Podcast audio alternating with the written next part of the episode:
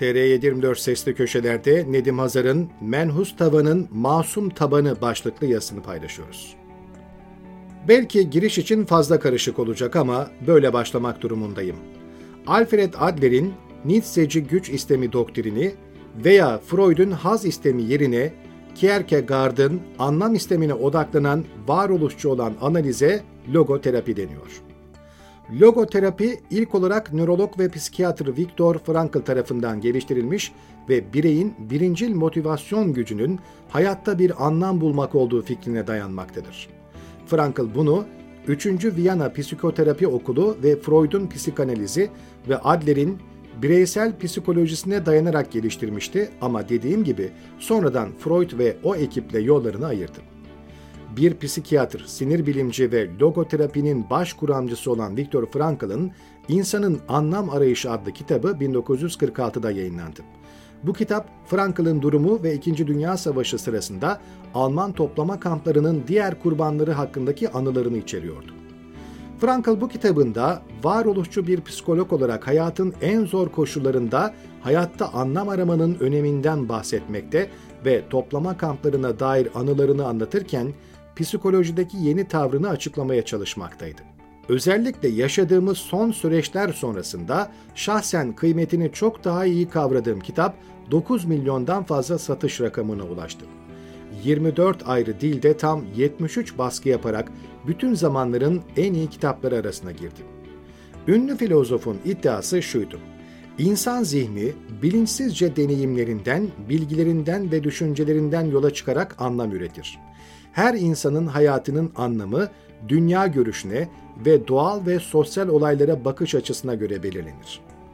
Viktor Frankl bu anlamı öncelikle karısında bulmuştu. Nitekim kitabın ilk bölümü Nazi kamplarındaki hatıralara dayanırken ikinci bölümünde hayatlarının anlamını kaybettiğini düşünen insanlara adeta bir yol haritası çiziyor. Bu kadar malumatı niye verdim peki?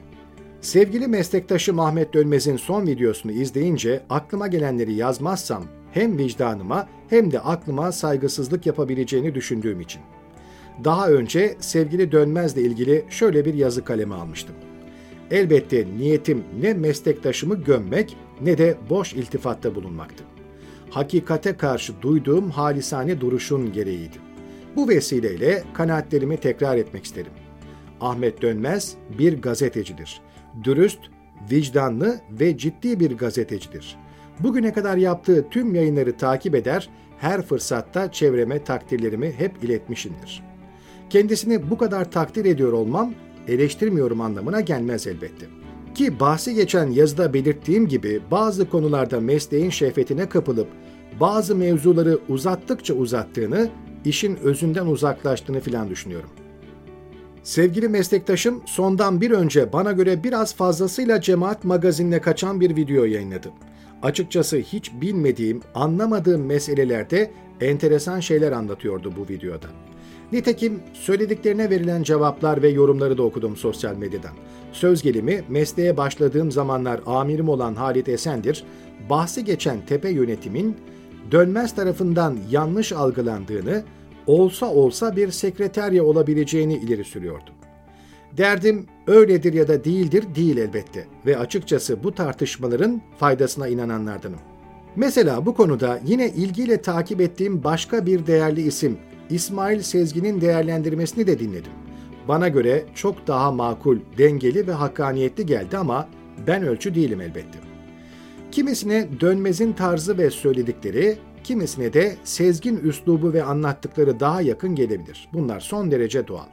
Ve içinde bulunduğumuz mübarek ayı şahit göstererek tekrar ediyorum. Ahmet Dönmez'in bir gazeteci hem de en iyilerinden olduğuna şehadet ederim.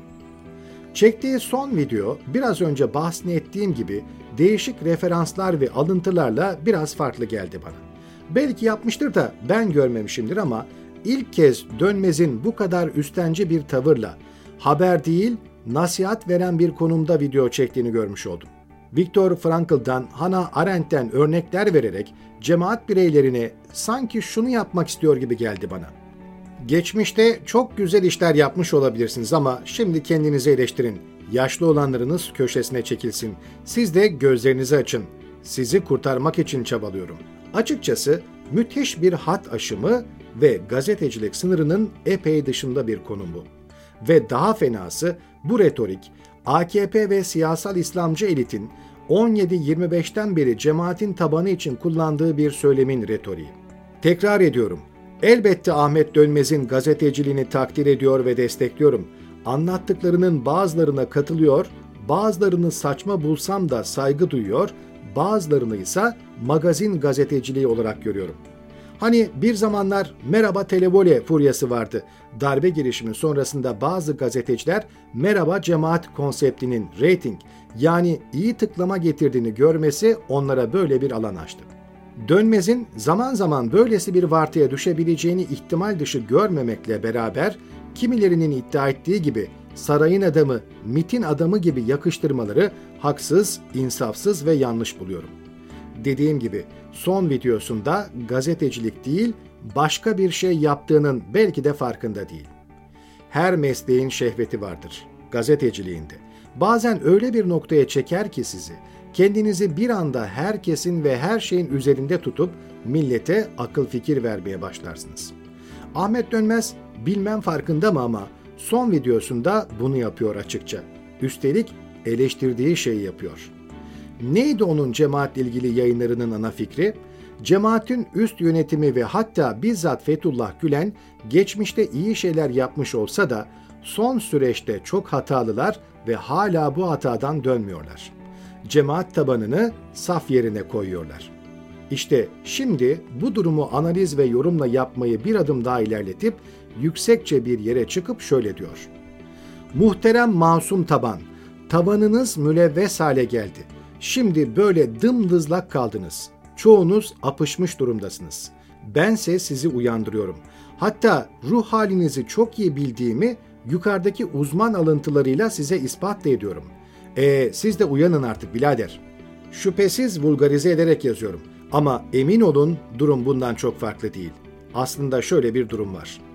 Artık eziklik psikolojisinden midir nedir bilmem, bir azınlığın sosyal grubun şeytanlaştırılması, ötekileştirilmesinden sonra grubun kendini meşrulaştırabilmek adına içindeki bazı isimlerin bireysel çıkışlarla bakın ben onlar gibi değilim diyerek ense okşanmasına ihtiyaç duyması yeni görülmüş bir refleks değildir. Dönmez böyle yapıyor demiyorum ha. Sakın yanlış anlaşılmasın ama mahalle dışından birilerinin takdirini kazanmak da bazen insanı çok enteresan pozisyonlara itebiliyor. Pek çok örnek sayabilirim. Ya da dedikleriniz birilerinin hoşuna gidip size desteklerini maddi manevi vererek ensenizi okşayıp hadi aslanım yürü kim tutar seni diyebiliyorlar. Bunlar anlaşılabilir şeyler. Bakın doğru ya da saygıya değer demiyorum. Anlaşılabilir. Ve fakat eleştirdiğiniz şeyi yapmak ve bunu yaparken yaptığınızı düşündüğünüz şeyden başka bir şeye dönüşmek de bir dram olsa gerek. Anlaşılmadı mı? Ne yani? Şimdi size Kafka'dan başlayıp birkaç alıntıyla ispata mı kalkayım? Anlayan anlasın yeter. Muhabbetle.